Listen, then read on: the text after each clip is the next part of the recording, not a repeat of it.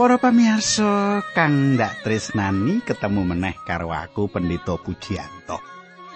Kepiye kabari panjenengan ana ing patemon iki? Apa panjenengan diberkahi Gusti? Hah, keingi aku ketemu karo sedulur sing duwe lara wis rada sauntara ana rumah sakit lah aku akeh krungu mengkono terus wusana aku tilik. Nah, tilike ya ketemune nang rumah sakit kuwi marga krungu nek dheweke lara. Khusus buntu katangku wah ya mesakno awake panas lan larane ora karuan mengkono. Tan wis slamet dioperasi. Nah katangku tak jaluk panjenengan ora kaya mengkono kuwi panjenengan tansah pinaringan bagas waras karo Gusti Allah nek bagas waras kan gampang golek rejeki ya dah. Nek katengku kaya padatan aku bakal bebarengan karo panjenengan ana ing sajroning adicara margi utami. Adicara kang wis dadi kelangenan panjenengan tak suwun panjenengan nyerak aku kini supaya apa kang tak andharake dadi cetha ilo-ilo mengkono. Sugeng midhangetake adicara iki.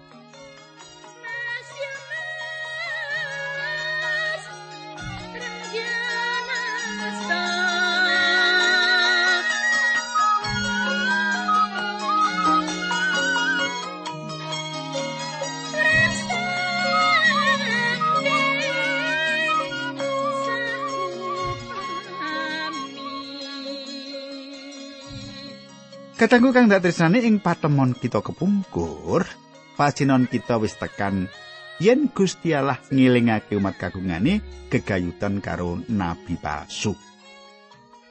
Banjur kepiye terus perangan iki kita bakal nyemak ing dina iki nanging sadurunge kita ndedonga dhisik supaya adicara iki dituntun dening Gusti Allah. Duh Kanjeng Rama ing swarga kawula ngaturaken gunging panuwun menika saged tetunggilan kalian sedherek kawula. Ingkang setya tuhu midhangetaken adicara menika. Kawula nyuwun tuntunanipun Gusti supados adicara menika dados berkah lan panglipuran tumrap sedherek kawula. Dinambaran asmanipun Gusti Yesus Kristus kawula netunggal haleluya amin.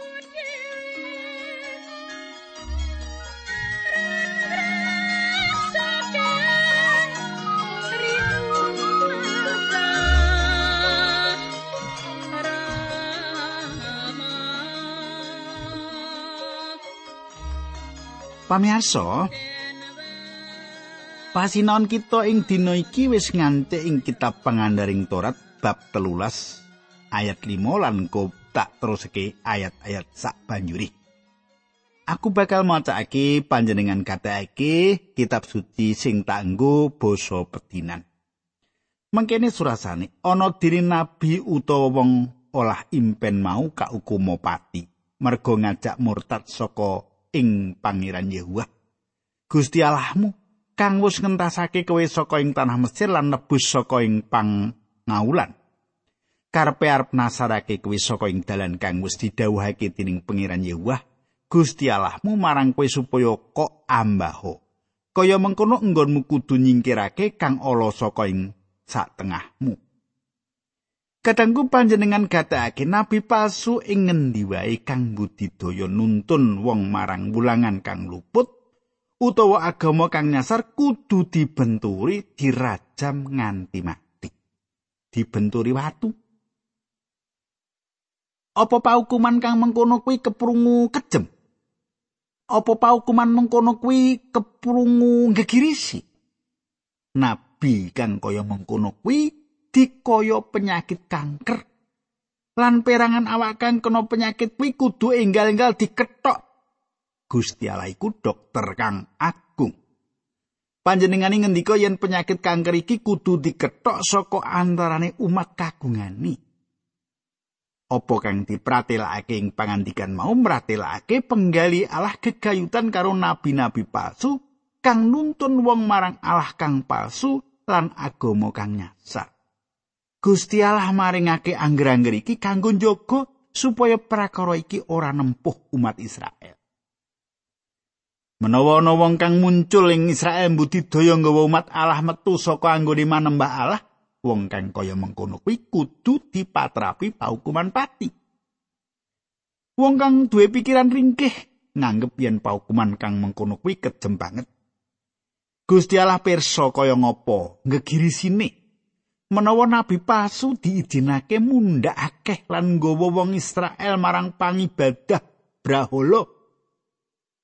Sejarah meratelake yen bangsa Israel ora bangun turut marang Gusti Allah lan bangsa iki ngidinake prakara iki dumati.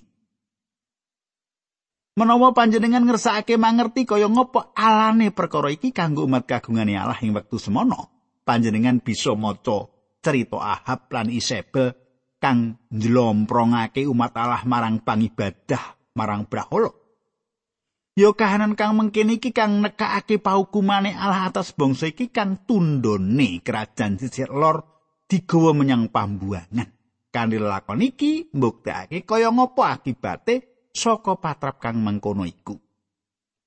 Saiki tak teruske ayat 6 pitu wolu lan songo. mengkene surasane.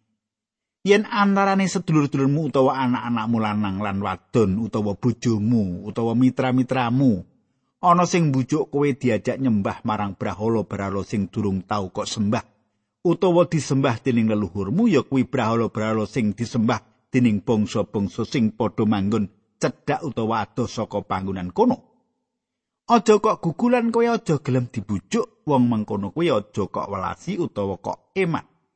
Nanging kudu kok pateni kowe dhisik sing kudu mbenturi wong mau nganggo watu lan wong liya-liyane kudu kok ajak melu mbenturi. Katangku pangandikan iki sawijining pangandikan kang ekstrim. Pangandikan kang keras.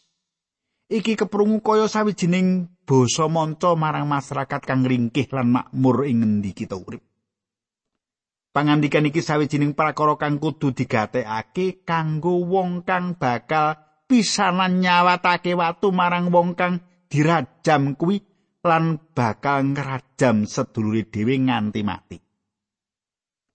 Pancen iki katon banget kejem.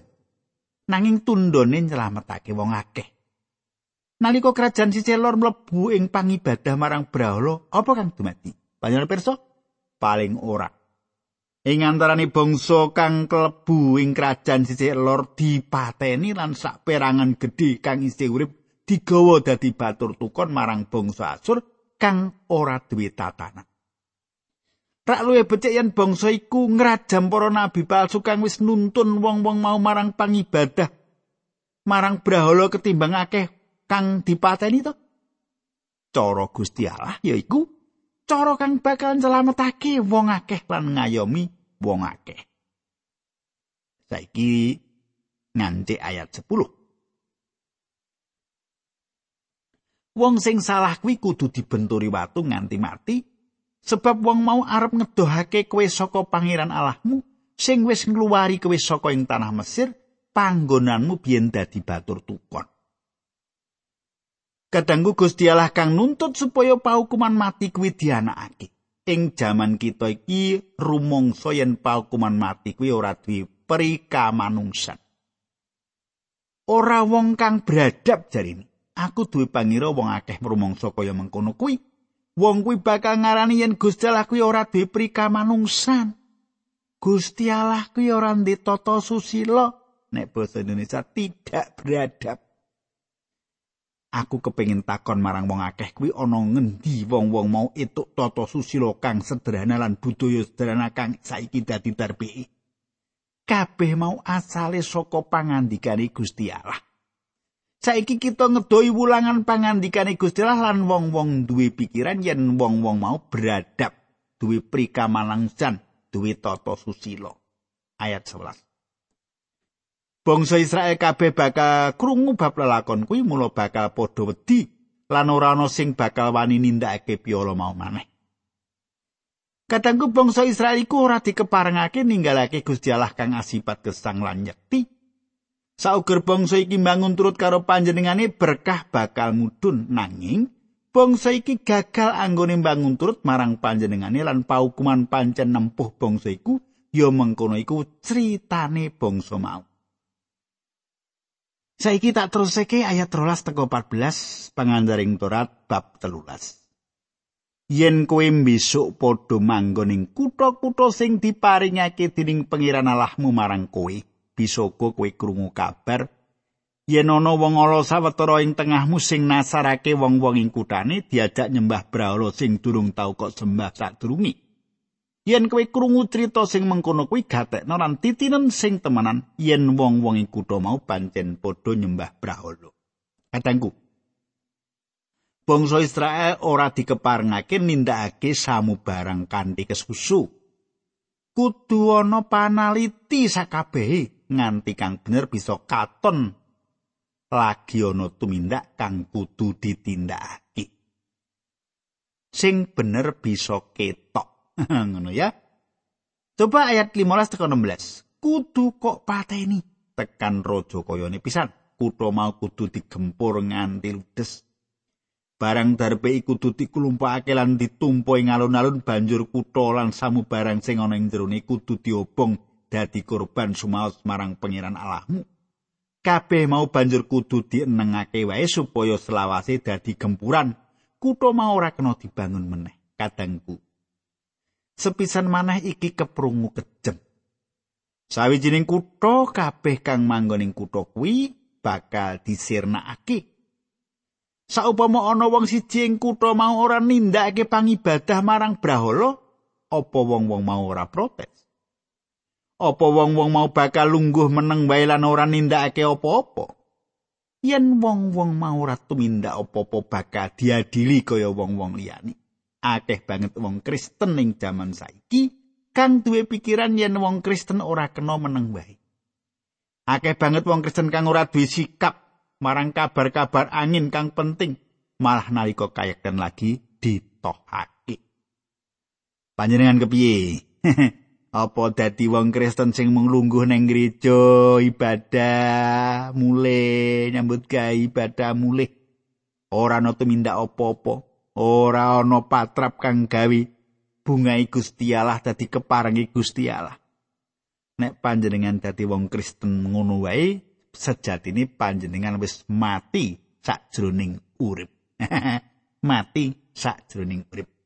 Tak teruske ayat pitulas. Barang sing kena ing paukuman aja pisan-pisan kok simpen nanging kudu kok sirnakake supaya Gusti Allah ora duka meneh lan malah melasi marang kowe. Panjenengane bakal berkahi kowe kelawan lomo lan dadekake kowe bangsa gedhe kaya sing dijanjekke marang leluhurmu. Saiki ngancik ing pangandaring Torat bab 14 tak wacake ayat 1 lan loro. Kowe kuwi umate pangeran Allahmu mulane yen kowe kepaten ora kena natoni kulitmu utawa nyukur siramu sing ngarep kaya carane bangsa-bangsa liyane. Kowe kuwi umat kagungane pangeran Allahmu saka ing antarane bangsa-bangsa ing bumi kabeh kowe sing dipilih dening Allah dadi umat kagungane. Kadangku ana patra pangibadah marang brahala wong kafir kang ora wanuh Gusti ing jaman iku. kita bisa nyemak samu barang kepangibadah marang brahala saka suku-suku tertamtu ing donya jaman saiki kang isih nutupi sapa to suku-suku mau sejatine. Pater pikir sawijining perangan saka pangibadahe, sawijining perangan saka agamane. Umat kagungane Gusti Allah ora tau nindakake pangibadah kang kaya mengkono kuwi. Mangan memangan kang diparingake Gusti Allah marang umat kagungane dudu mung kanggo upacara tata agama wae. nanging ana mupangate kanggo kajasmanen kanggo wong-wong kang nindakake gegayutan karo perkara iki wis diuji abatan suwene mangabad-abad ngono ya. Sahabat kan 100 tahun to nah ing jaman kita iki lagi urip ing sawijining jaman kang kapenuan karo maneka werna mangan-manganan kang disirik. Istilah saiki diet saben wong kaya-kaya kadudut atine karo diet Gusti Allah durung tau maringi sawijining aturan kanggo diet kang mligi kanggo panjenengan lan aku. Ora ana bedane apa kita mangan daging utawa ora mangan daging sak suwene iku ana gegayutane karo pasrawungan kita karo Gusti Allah. Nanging menawa panjenengan ngematake pepakon-pepakon iki, panjenengan bakal urip rada suwe ing jagat iki lan menawa panjenengan rak bisa uga panjenengan bakal suwaning panguyunane pangeran luwih cepet. Saiki panjenengane bakal nyetakake kewan apa kang kalebu ing sajroning diet lan kewan ndi kang ora mlebu ing sajroning diet. Tak wacake ayat telu teko ayat 6. pangandaring Torat bab 14. Kewan sing dianggep karam dening Allah ora kena kok pangan. Kewan-kewan sing kena kok pangan ya kuwi sapi, wedhus gembel, wedhus Jawa, menjangan kancil kidang lan sakai kewan sing tracake belah lan gayemi. Kadangku iki kalebu kewan-kewan kang kalal kang bisa dipangan. Ana loro tondo kang kudu dikatekke kegayutan kewan kang kalal kuwi. tondo-tondo kuwi menehi wulangan-wulangan kasukman utawa kerohanen marang kita. Kuku kewan kudu tracake belah utawa pisah sigar. Mengkono iku bisa nglambangake gambaran urip wong percaya katangku. Kuku kang pisah nggambarake bab uripe kang dipisahake. Uripe kang dipisahake. Saiki aku ngerti yen ana akeh legalisme kang digawa mlebu ing sakjroning gambaran urip Kristen jaman saiki. Akeh wong kang ora ngatur uripe selaras karo wulangan 10 dosa titah utawa wulangan dosa titah. Nanging wong-wong mau wis nambahake 20 aturan liyane lan wong-wong mau nindakake.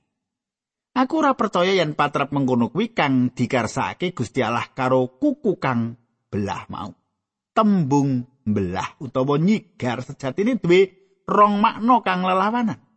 Belah bisa ateges nyoklek utawa belah utawa bisa ateges nemplek ing sawijining barang.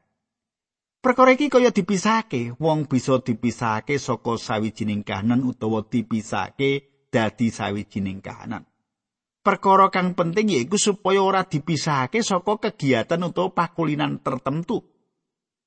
nanging kanggo dipisahake supaya manunggal karo Sang Kristus. Kita dipisahake secara mligi kanggo manunggal karo Sang Kristus, urip panjenengan bakal ngalami owah-owahan kang dadaan. Kadangku tondo kang kaping pindho saka kewan kang kala yaiku nggayemi. Wulangan kang bisa kita petik yaiku kita kudu ngentekake wektu kanggo hanggegilut pangandikane Gusti Allah. Nggayemi kuwi lire panjenengan lan aku kudu ngentekake wektu utawa nyisihake wektu kanggo ngegilut pangandikane Gusti Allah. Kepiye? panjenengan apa yo nyisihake wektu kanggo ngegilut pangandikane Gusti apa ora? Dereng, Pak. Lho piye to wis dadi Kristen pirang taun? Kok ngantek ora tau nyisihke wektu kanggo maca kitab suci kuwi? kita. Nah, ana jabur siji ayat loro ngendikake mengkini. Nanging sing seneng nglakoni angger-anggere Gusti Allah lan dirasa-rasake rino wengi. Jabur siji ayat loro. Ayat kang kawitan-kawitan kan ditembung bejo wong. Ngono ya. Mazmur loro mau bejo wong.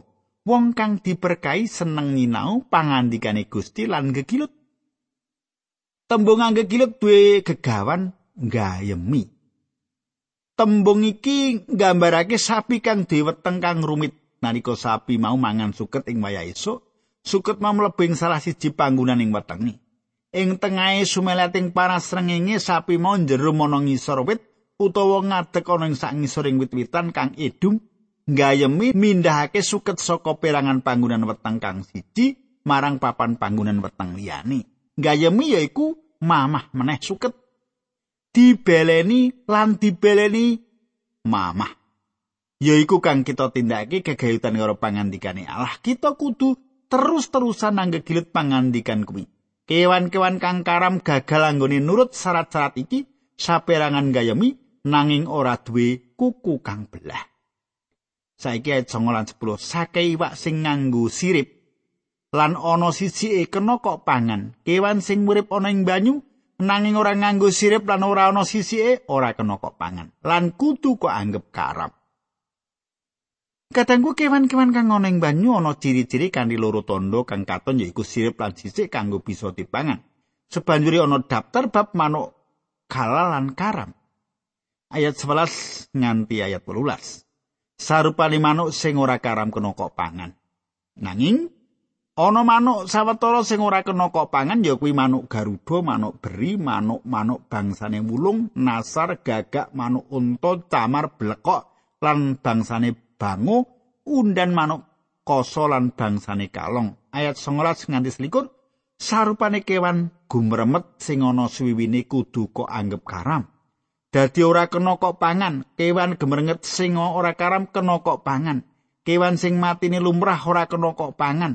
Nanging wong manca sing manggono ning tengahmu oleh mangan. Lan kowe kena adol kewan mau marang wong manca ing endi wae. Kowe kuwi umat Allah, bangsa sing dipilih kagem Allah piyambak. Cempene wedhus gemel ora kena diolah bareng karo banyu susune mbokne. Saben taun kowe kudu nisihake sak pro sepuluhe asile panenmu. Ayat 23. Banjur lunga menyang papan pangibadah sing wis ditemtokake dening pangeran Allahmu. Ya ning papan kono ing ngarsane Allah, kowe kudu padha mangan kurban pro 10 ali gandum anggur, lenga zaitun lan sapi sarta wedhus pambarep. Kuwi padha lakonono supaya ing sateruse kowe padha sinau ngurmati pangeran Allahmu. Kadangku Gusti Allah wis paring janji arep berkahi umat kagungane ana ing wujud bondo donya. Menawa bangsa iki gelem leladi marang panjenengani. Saka berkahi kang ditampa bangsa iki kudu ngaturake sak pro 10 meneh marang Gusti uga saka hasil anggone ngingu kewan-kewane. Sak pro 10 iki kudu dipangani ngarsane Allah ing papan suci. Iki bakal dadi sawijining pesta kang istimewa ing ngarsane Gusti. Ayat selawe teko nom likur. Barang-barang mau dolen lan duit pepayone gawanan menyang papan pangibadah. Ana ing kono tuku apa sing kok senengi kaya to daging sapi, cempe anggur bir banjur panganan karo bungah-bungah ana ing ngarsane pengiran Allahmu bebarengan karo brayatmu. Katangku menawa panggonane bangsa iki ana kang adoh saka pedalemane suci anggone nggawa sak prospulan saka hasil kebon lan rada kayane, bangsa mau bisa ndadekake dhuwit sebanjure bisa tuku pisungsunge kanggo Gusti nalika wong-wong mau tekaning kono. Ayat 21 ing pungkasane saben telung taun pro sepuluhaning asile panenmu klumpukno ing kutha-kuthamu. Kadangku menawa panjenengan naliti angger-angger Torat kanthi teliti, panjenengan bakal nemokake yen umat Israel iki sabenere mbayar telu pro sepuluhan. Iku lire paling ora 30% saka penghasilan umat Israel bakal dipisungsungake marang Gusti ora mung 10%. Katone sak pro 10 langsung ing gedhong raja beranane ing pedalaman Allah nanging uga ana pro 10-an ing pungkasane telung taun. Ayat 29 pangandaring turat bab 14. Kuwi bagiane wong Lewi merga wong-wong mau padha ora nampa panduman lemah. Kejaba kanggo wong lai pangan mau ya kanggo wong neneka bocah lolo lan para rondo sing manggon ning kutha-kuthamu. Wong-wong kuwi kena padha teka lan jupo apa wae sing dibutuhake yen kowe padha nglakoni mengkono, pangeran Allahmu bakal berkahi pegaweanmu. Kadangku Gusti Allah ngersake suku Lewi kang nindakake pelayanan kasukman kanggo bangsa iku kopen. Uga panjenengan gatekake Gusti Allah duwe kaprihatinan marang wong mlarat. Katengku arep tak teruske jane ning wektune wis ora ana ya. Diteruske dina candake ya. Aja lali lan panjenengan aja ngantek ketinggalan. Iki ana layang saka Ibu Sanikem ya, Ibu Sanikem. Kula remen mirengaken margi utami menika utawi khotbah-khotbahipun Pak Puji ingkang sanes Awit menapa awit saged nyukani semangat gesang kula ing mangsa kula sepuh menika. Kula gadah pengajeng-ajeng gesang wonten ing salebetipun Gusti Yesus. Nambah pengalaman ingkang saged kula criyosaken dumateng mantu ingkang dereng tepang Gusti Yesus lan ugi para putu-putu sedaya. Niki Ibu Sani nggih. Matur nuwun Bu sanikem nggih panjenengan sampun netepi menapa ingkang dados jejiban minangka jejeripun tiang pitados nggih. Nah, menika kangge pasinaon panjenengan sami nggih kaya Ibu sanikem kala wau sinadyan wis tuwa semangate kanggo nggelarake kabar kabungan ora surut nggih. Monggo kita tumungkul kita ndedonga sesarengan. Duh Kanjeng Rama ing swarga kados ingkang Ibu sanikem serat menika pilih Ngelaraken kabar kabingan dumateng sinten kemawon menika satunggalipun jejibahan ingkang boten saged dipun tilar kula sami minangka jejeripun tiang pitados. Kawula pasrahaken gesang kawula wonten ing asta paduka Gusti Yesus supados kaagemo dados kaluhuran paduka. Dinambaran asmanipun Gusti Yesus Kristus kawula nedonga haleluya. Amin.